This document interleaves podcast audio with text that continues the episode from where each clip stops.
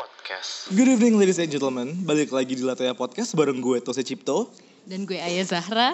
Wah gak kerasa ya udah episode 4 aja nih Ay Coba coba eh, judulnya apa coba? Oke, untuk episode kali ini judulnya itu adalah Kantoran Huhu atau Palu Gada Hihi. Aduh pelik banget tuh ya episode kali ini Mungkin kita bisa langsung ngebahas kali ya Apa aja sih masalah-masalah yang bisa kita temuin di Ya jadi orang kantoran atau orang yang palu gada Sebenarnya tuh apa sih kak kantoran tuh apa? Palu gada tuh apa? Oke, kantoran itu kalau gue mungkin bahasa yang pekerja kantoran ya, karena kan gue lebih anak kantoran banget. Cah, elah, padahal udah resign 2 tahun yang lalu. Gue juga kak anak kantoran Padahal gue udah gak kerja. Oke, kalau pekerja kantoran ya. Hmm. eh, kalau menurut gue, kalau pekerja kantoran tuh Iya asik sih, ya lo kan dapet kalau jadi kantoran tuh enak, lo ada fix income, terus udah gitu ya benefit-benefitnya, eh tergantung sih lo kantornya apa dulu. Kalau kantoran yang pemerintah biasa gitu, iya sebut merek. Iya sebut merek. Tapi ada juga kak kantoran yang bener-bener pelit medit banget tuh Iya ada iya, sebenarnya. kalau misalnya kayak lo pemerintahan lo gak ada, be- ada sih benefit kesehatan cuma BWJS coy. Iya sih galau sih. Kalau lo tiba-tiba butuh pengennya di RSPI gimana? makanya. Nah itu dia. Kalau misalnya ya tergantung ya lo lo kantorannya di mana. Nah terus udah gitu ya yang jelas sih kalau nggak enaknya ya. Gila kan itu kan jam kerjanya kan memang fix ya dari jam Ih apalagi kalau di kantor gue yang sebelumnya tuh kak setengah delapan Oh, gitu. kak buset. Setengah delapan itu dia boleh telat sampai jam delapan. 8 pagi apa 8 malam Eh, ya? 8 subuh pak 8 subuh. 8 pagi. Nah kalau telat lo dipotong dipotong gaji coy Bener-bener maksudnya mereka strict ngeliatin iya, fingerprint iya. lo atau iya, absen lo Wow Iya, dan bener-bener dipotong gaji. Medit ya, kita Medit. kayak harus ngadu ke Kak Seto deh Iya, ya ampun itu hak asasi manusia deh rasanya. Asli itu dipotong. Gue potongan pernah sampai 2 juta, Kak. Ya. Gara-gara gue telat mulu. Terus udah gitu ya. Kalah tuh pro, pro THR Iya, makanya. Nah, terus udah gitu kalau misalnya ini apa namanya selain dipotong gaji juga kalau nggak masuk kak sakit aja dipotong Bahkan lo gak dikasih jatah sick leave nggak ada Cuti haid juga gak ada sebagai cewek nggak ada emang ada perusahaan yang ngasih Ada. cuti haid Kak, di mana-mana sekarang kantor Oh, tuh iya? ada cuti haid. Bahkan ada beberapa kantor yang ada punya birthday leave kayak kantor gue deh. oh iya dia ada birthday serius leave, ada ada. eh nggak serius birthday demi demi demi Allah, demi Allah. Iya sebenarnya ya balik lagi, tetap aja. Terus terus kak, apalagi kak benefitnya? Itu nggak benefit sih dari tadi yang gue bilang. Oh iya, Kayaknya lebih ke ngeluh ya? iya ngeluh lagi Iya, iya, malah iya, curhat gue.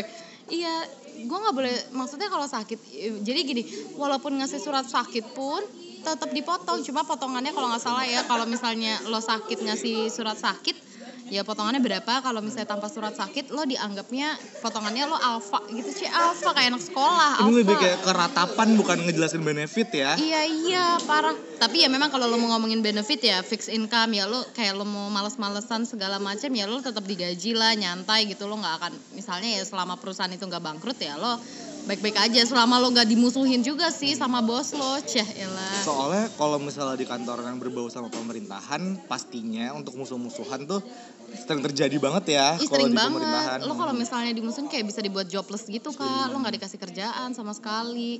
Ya. Serius? Iya. Wow. Kok seneng nada-nadanya. Terus terus iya Kak. lo bisa kayak nggak dikasih kerjaan dan bener-bener lo ya kayak nggak ngapa-ngapain ya lo akhirnya sampai kesadaran diri aja akhirnya lo mengeluarkan diri lo sendiri dari perusahaan itu Karena setahu gue kalau di pemerintahan biasanya punya culture bawaan nih kayak Mm-mm. di instansi apa, di kementerian apa tuh eh, culture-nya tuh punya masing-masing ya kantor-kantor lain juga sih. Terus terus? Iya kayak lo bawaannya siapa? Eh tapi asli ya memang true story banget di perusahaan gue yang sebelumnya. Kayak gue tuh kayak ditanyain gitu loh kita sama-sama kayak bertanya gitu. Eh emang lo bawaannya siapa? Emang lo bawaannya siapa? Kayak gitu. Kayak gue bawaan Tuhan. Gimana Iya. dong mampus loh. gue bawa Nabi Muhammad gimana dong?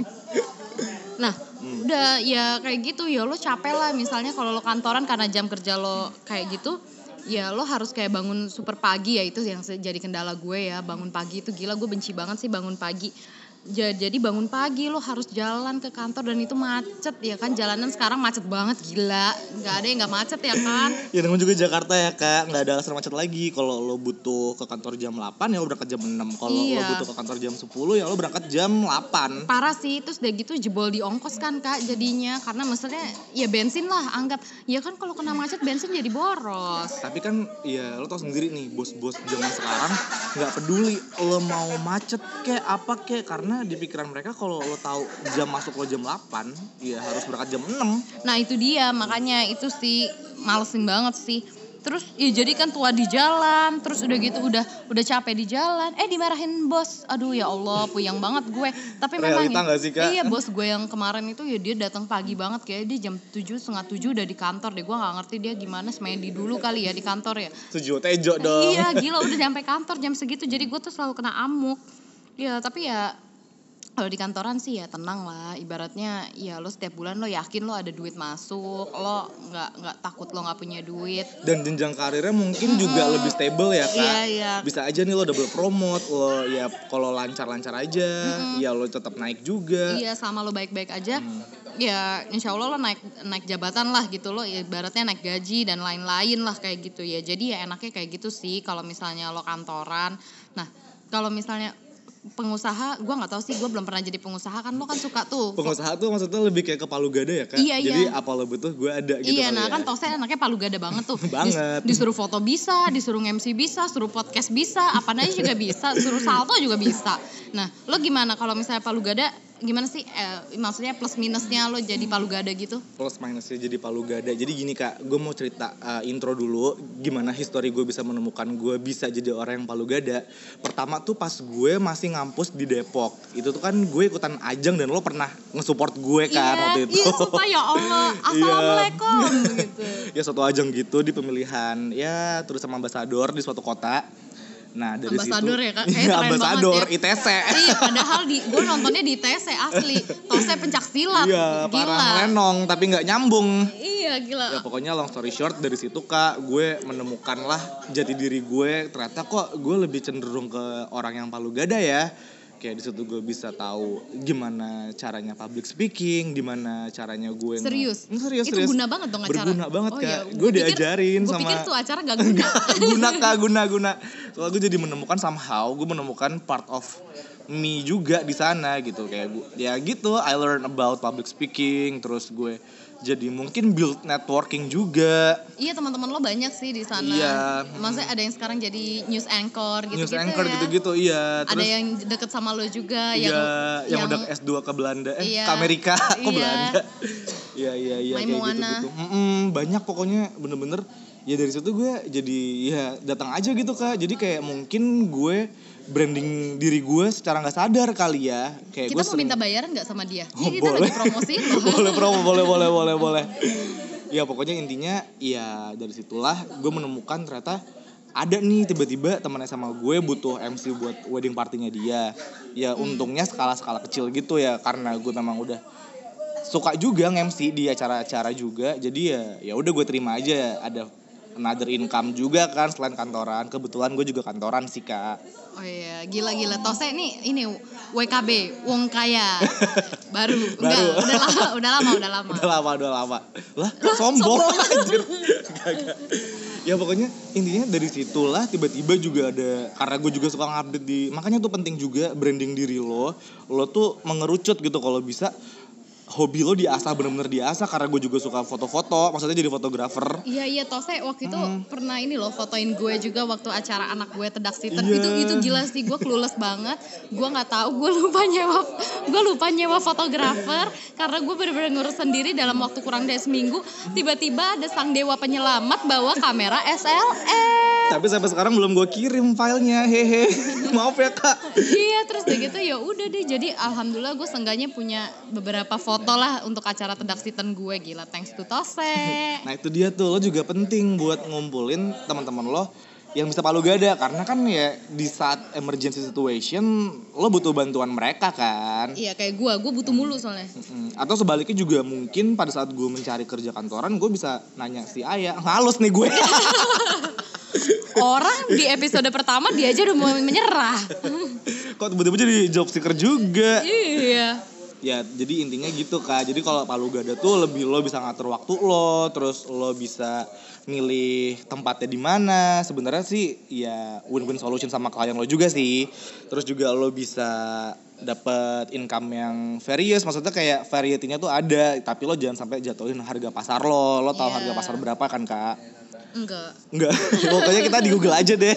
Nah, terus tapi kayak sebenarnya nggak semua anak-anaknya juga Palu Gada juga ada nggak enaknya kok. Eh sebenarnya kalau nggak enaknya juga banyak sih kak. Jadi tuh kan kalau lo nih kantoran kan tadi ya lo punya fixed income, Iya, iya. lo ada jelas ya, kan kak. insurance juga lo benefitnya itu. juga banyak. Kalau gue kemarin ngelakuin Palu Gada ya mungkin income gue bisa gede nih di depan, tapi kan gue juga harus memenuhi kos-kos expense gue dong pastinya kan. kayak ular ya kayak Kayak ular. makan hari ini sampai seminggu nggak makan Iya, tiba-tiba seminggu depan nggak bisa makan kan tai. Eh, maksudnya kan galau. ya terus ya gitu sih kak, lebih kayak ke going concernnya tinggi. Kalau kecuali lo punya komitmen keras buat jadi startup company, itu baru lah lo mungkin bisa punya fixed income. jadi kita buat startup company aja abis ini Ya udah yuk lah. Iya sih kayak gitu ya ya sebenarnya plus minus ya kita jadi kantoran sama jadi palu gada ya nggak ada yang enak sih ya kak hidup ya iya kan nggak ada yang enak.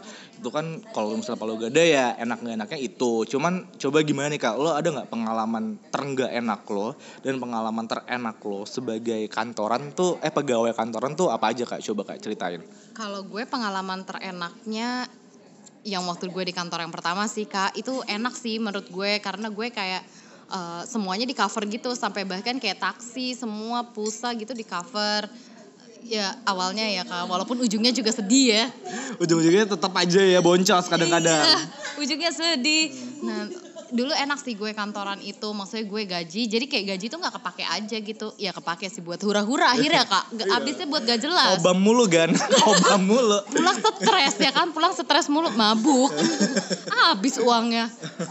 Terus Iya. terus kak, eh tapi lo nyadar gak sih kak kalau misalnya tuh kebutuhan pegawai-pegawai sekarang lebih banyak abis dimakan sama minum, ya nggak? Iya benar-benar. benar. Buat makan sih parah sih. Maksudnya kayak kayak misalnya kalau lu emang niat bawa bekal atau lu mau makan warteg terus gitu ya irit sih.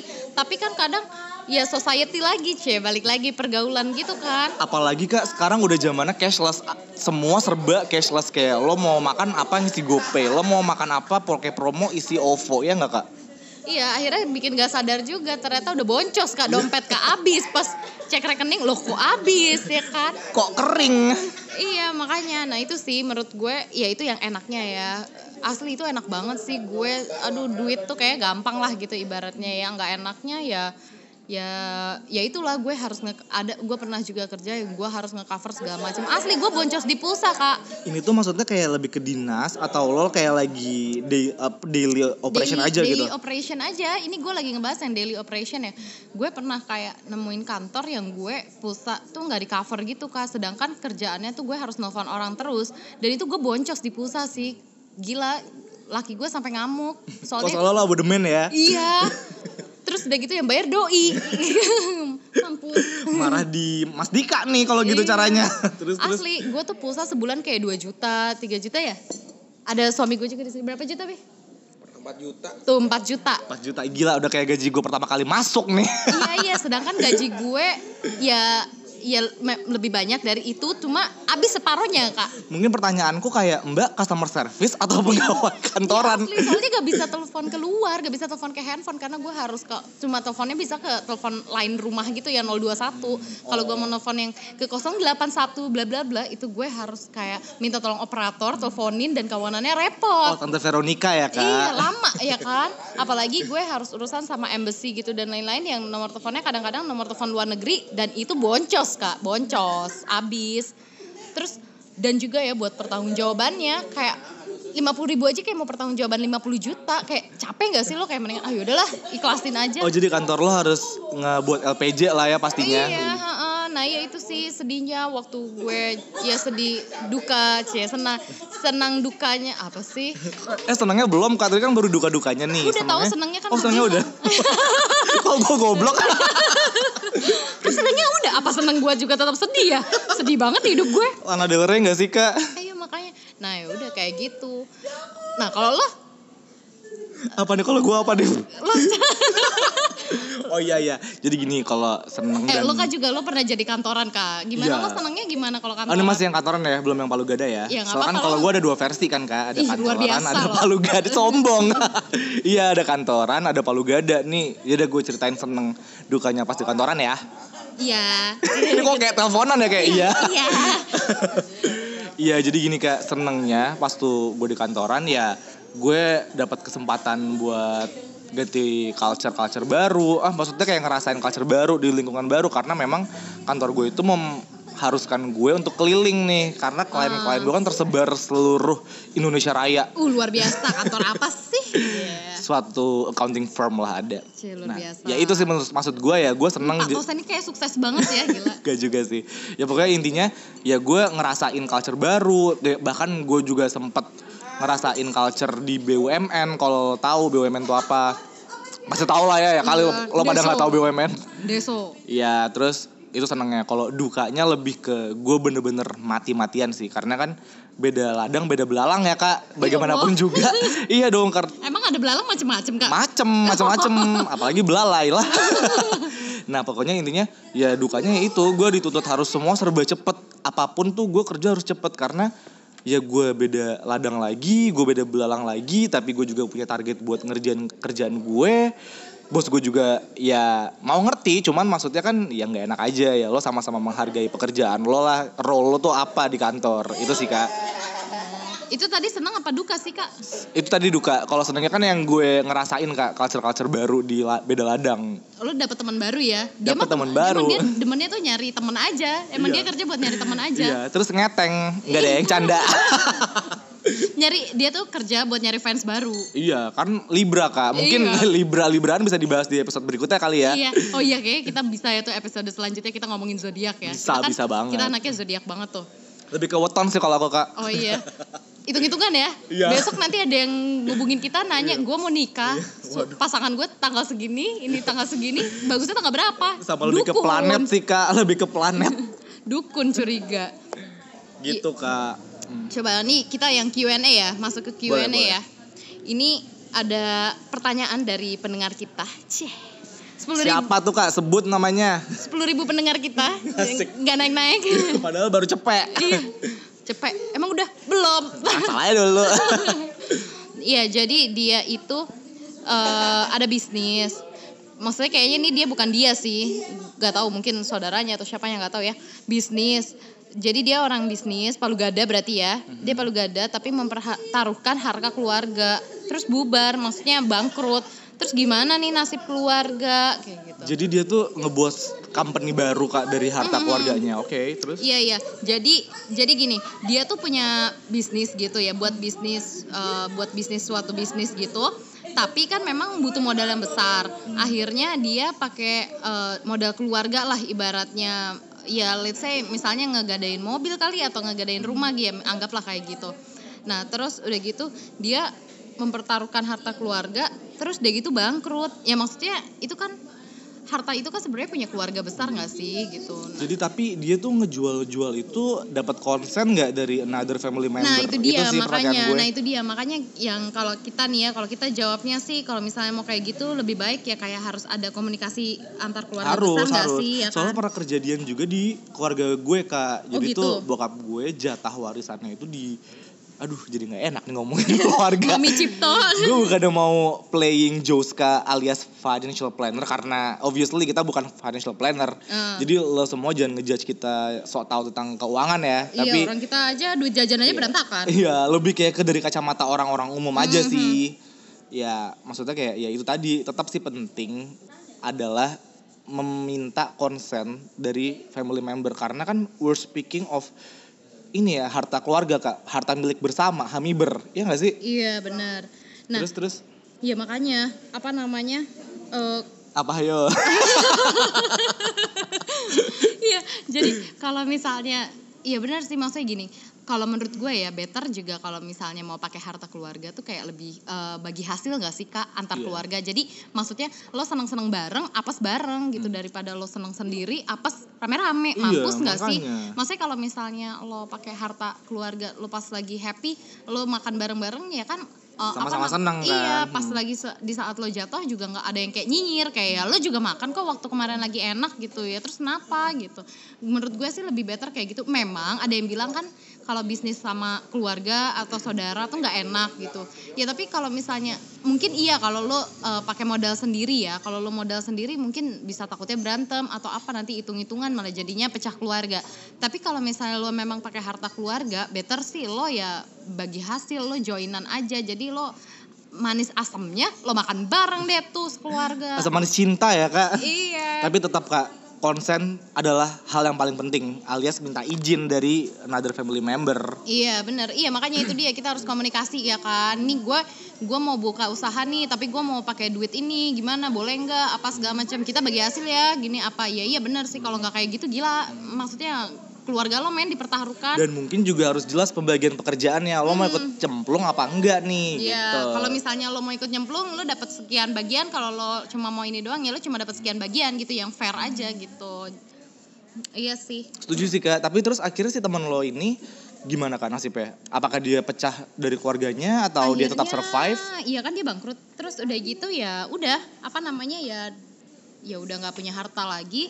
Akhirnya ya keluarga-keluarganya turun tangan lagi.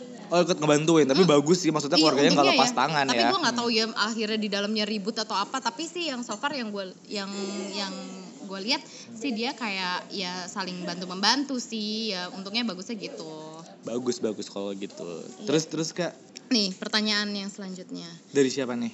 C dari ini adik Mawar C Mawar lagi Mawar nanya mulu Mawar Tahu nggak capek-capek apa lo? nih Ye sepi Parah lo. ya jadi kita sebenarnya ini kita tuh setiap ngetek tuh di cafe gitu jadi kita tuh selalu berharap kayak sepi dan gak ada orang kalau misalnya ada orang tuh kayak Mungkin tempatnya butuh kita mention kali ya kak, karena udah memberikan Iya. kita tempat yang PW. iya kita lagi di roti eneng di Yap. Gandaria mantap Lo harus pada nyobain sih. Mhm. Tempatnya enak banget dan juga makanannya enak banget. Lo harus pesen roti cream cheese and cinnamon parah sih, enak banget. Gue mau murtad tau nggak rasanya? Deng. tadi juga enak tuh kamu pesan apa Bi? Apa nih mas? pasta fettuccine something creamy gitu deh tapi enak sih Lawala. tapi enak enak enak enak enak enak. Terus udah gitu, oh ya next pertanyaannya harus milih pekerjaan. eh, Dia dia udah bekerja di peker, eh, di suatu per- institusi negara dan dia mau keluar dan dituntut untuk han- harus ganti rugi.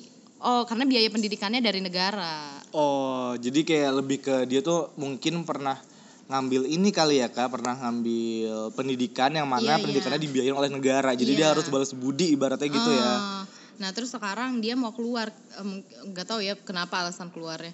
Nah dia mau keluar terus gimana? Jadi harus ganti rugi. Hmm, Hmm, kalau ya menurut sih gue sih, makanya Kak, ya itu jadi hmm. pekerja gitu ya kak ya. Iya, harus ada ininya, harus ada eh, pilihan gitu. Maksudnya lo udah yakin banget nih mau ganti rugi dan lo mau ngapain kalau misalnya pilihan lo udah jelas gitu antara A dan B ya kalau misalnya lo mau milih B lo harus ngorbanin A nggak bisa Hmm. lo juggling dua-duanya unless lo memang bisa multitasking Memang makanya better lo tuh punya planning hidup sih Mhm. untuk para pekerja ya. Lo punya planning hidup dan lo eh, maksudnya cari tahu lo tuh lebih eh, prefer di mana sih? Lo memang cocok jadi pegawai yang apa namanya?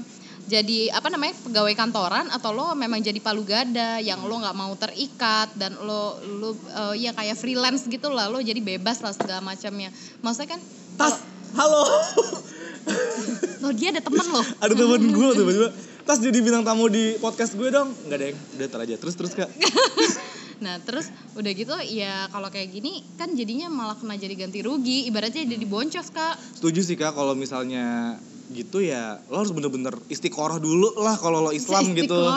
Iya luar jadi memang harus di diusahakan gitu. Maksudnya Iya, iya. lo udah yakin nih kondisi lo mampu nggak buat bayar ganti rugi? Terus Iya. kondisi lo kalau habis bayar ganti rugi ngapain? Ya nggak? Iya dan lo maksudnya ya better dari sebelumnya sih. Lo maksudnya mikirin gitu ya gue punya eh, gue milih kerja di sini dan itu side effectnya gini kalau misalnya gue mau keluar gue harus ganti rugi dan lain-lain ya kalau memang sekiranya memang dipikir tidak mampu ya better nggak usah sih.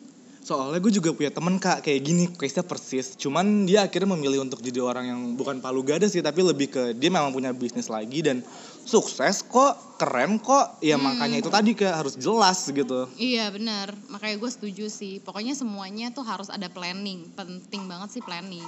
Tapi perlu diingat ya kak, sukses itu bukan berarti duit lo banyak, bukan berarti harus duit lo banyak. Ya duit lo banyak berarti lo bisa sukses. Ya mungkin menurut pandangan orang umum ya sukses. Cuman balik lagi nih, lo bener-bener ngerasa sukses nggak? Karena sukses tuh bener-bener nggak bisa diukur sih. Iya, dan temen gue juga ada sih kak yang yang dia dari sekolah juga di DO lah. Siapa tuh kalau boleh tahu teman sekolah teman sekolah gue juga. iya lah kan lo tahu gila. Siapa sih cuy? Narji. Enggak deh, enggak, enggak, enggak. Dia enggak DO, dia enggak DO. Hmm. si Black lo Oh, Black. sebut tapi Oh yang apa-apa. tapi anaknya ikut ke Rockstar Gym ya. Ya, Hi Black gitu. Lo dengerin kan gue lagi mempromosikan lo nih, Cie. Iya, tapi memang Hmm. Tapi dia, kayaknya Black ini tahu adik gue deh. iya nah enggak enggak. Dia dia juga maksudnya Enggak, enggak, enggak, iya.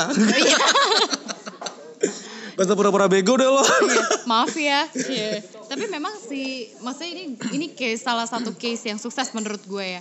Dia dia tuh dulu sekolah aja di DO. Ya Allah Black, iya sih. Tapi memang dia pinter sih. Tapi dia gara-gara tawuran. Kak. Kalau nggak salah ya tawuran ya. Gak tahu, aku, oh, aku iya. kebetulan gak deket sama Black sih. Oke, gara-gara tawuran kalau nggak salah ya bener gak sih Black? Gue lupa Black. Taunya salah lagi gue ngomong.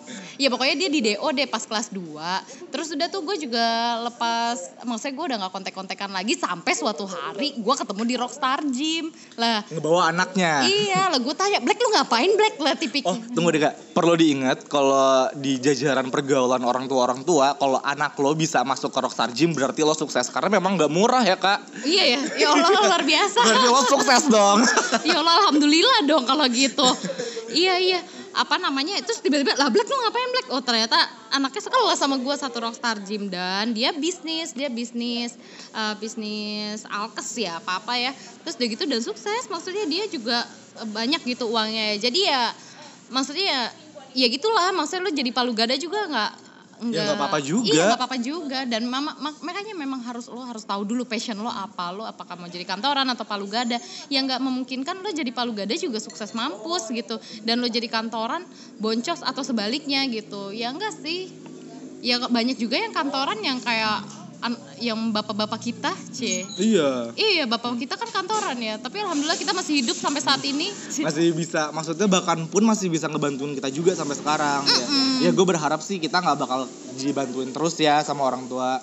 Cuma kan Iya. at least ya lo bisa lihat lah orang tua orang tua kita gitu bisa survive sampai sekarang. Apa sih? Iya. kalau zaman dulu kan banyaknya yang jadi kantoran kan Hmm, kita harus ngikutin sih jejak orang tua kita memang. iya cie lah ke mana gitu. Ke mana nih? ke mana tuh jejaknya iya kalau menurut gue sih kayak gitu jadi ya memang harus ada planning lo hidup lah Hmm. gitu Iya sih kak, wah terlalu luas ya kak kayaknya kalau kita ngebahas suka duka kantoran ataupun palu Iya, gada. benar. Mungkin ya dari kita sih sebagai kacamata umum, orang umum gitu ya segini aja. Tapi ya langsung aja kali ya kita ke next session yaitu quotes. ya Allah Robi itu session yang paling gue benci ya gue kan nyiapin lagi dari tadi harusnya gue siapin ya Mungkin karena ya biar memang brandingnya Ayah tuh emang gak jago Hmm. untuk quotes ya dia selalu jadi orang pertama supaya bisa gue timpalin. Coba-coba apa nih Mbak ya sesi quote kali ini tuh quote dari lo apa nih? oh oke Eh, Dor. Dor. Eh, apa nih? Oke. Apa ya kak? Apa kak? oh, ya pokoknya uh, lo kalau mau jadi orang mau jadi orang hidup tuh harus punya planning. Nggak harus punya planning. Lo ke depannya mau apa? Mau jadi kantoran atau pengusaha? Kayak gak quotes ya. Kalau quotes pendek ya. Jadi kayak paragraf gitu loh narasi. Bangunlah cita-cita anda sedini mungkin. Iya, enggak Bener. gitu kan bangunlah cita-cita anda cita-citanya let's say itu planning juga adalah cita-cita ya kan bener gak sih bener bener bener bener. nah coba quotes lo coba Oke apa sih, at least kita harus kasih inilah applause buat effort Mbak Aya. Wow. Oke, kalau quotes versi Tosi Cipto adalah no matter what you do, stick to it. Asik. serius Iya, eh. Karena ini maksudnya gue dapat quote ini bukan dapat sih, gue menyimpulkan lo orang lo lo ini punya orang ya punya orang bukan punya orang sih tapi kayak orang itu ngasih gue wejangan ay Hmm. Nah, namanya Mbak Gerha Jayamala dia co-foundernya di Talk About tuh udah gue iklanin loh mbak ya dia sih ngasih saran ke adiknya karena Petia itu juga lagi bisnis, terus Hmm. Petia curhat ke kakaknya work wise ya, business wise. Ya ya udah Eh, pesan yang Gerha itu yang kayak nggak boleh ganti-ganti, tetap harus tetap stick to the same brand gitu loh. Jadi kayak jangan jadi kutu loncat gitu loh. Iya, sama kayak kita podcast ini ya. Iya. Jangan jadi kayak kembang kempis ya. Iya, nggak nggak boleh kembang kempis loh. Iya. Kalian juga yang dengar gak boleh kembang kempis loh. Awas kembang Mungkin kalau buat para audiens yang eh, merhatiin kita, kita tuh ada pattern sih ya. Iya. Jadi kayak temanya nggak jauh-jauh lah. Intinya kita punya Iya. beberapa pattern. Jadi ya ikutin aja terus Ah, ah, tetap dengerin kita dan sampai jumpa di di episode berikutnya. Goodbye. Bye bye.